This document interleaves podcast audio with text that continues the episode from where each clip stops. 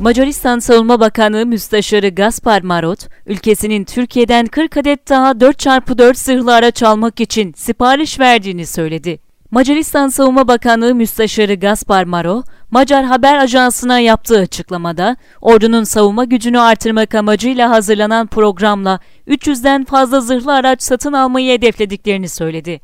Marot, söz konusu program kapsamında Türkiye'den 40 adet daha 4x4 zırhlı araç temin edilmesi konusunda anlaşma imzaladıklarını söyledi.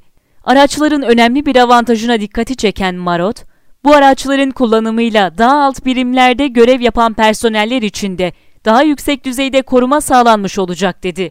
Macaristan güvenlik güçlerinin ihtiyaçlarını karşılamak için Ejder Yalçın'ı tercih eden dünyadaki 6. Avrupa Birliği'ndeki ilk ülke olmuştu.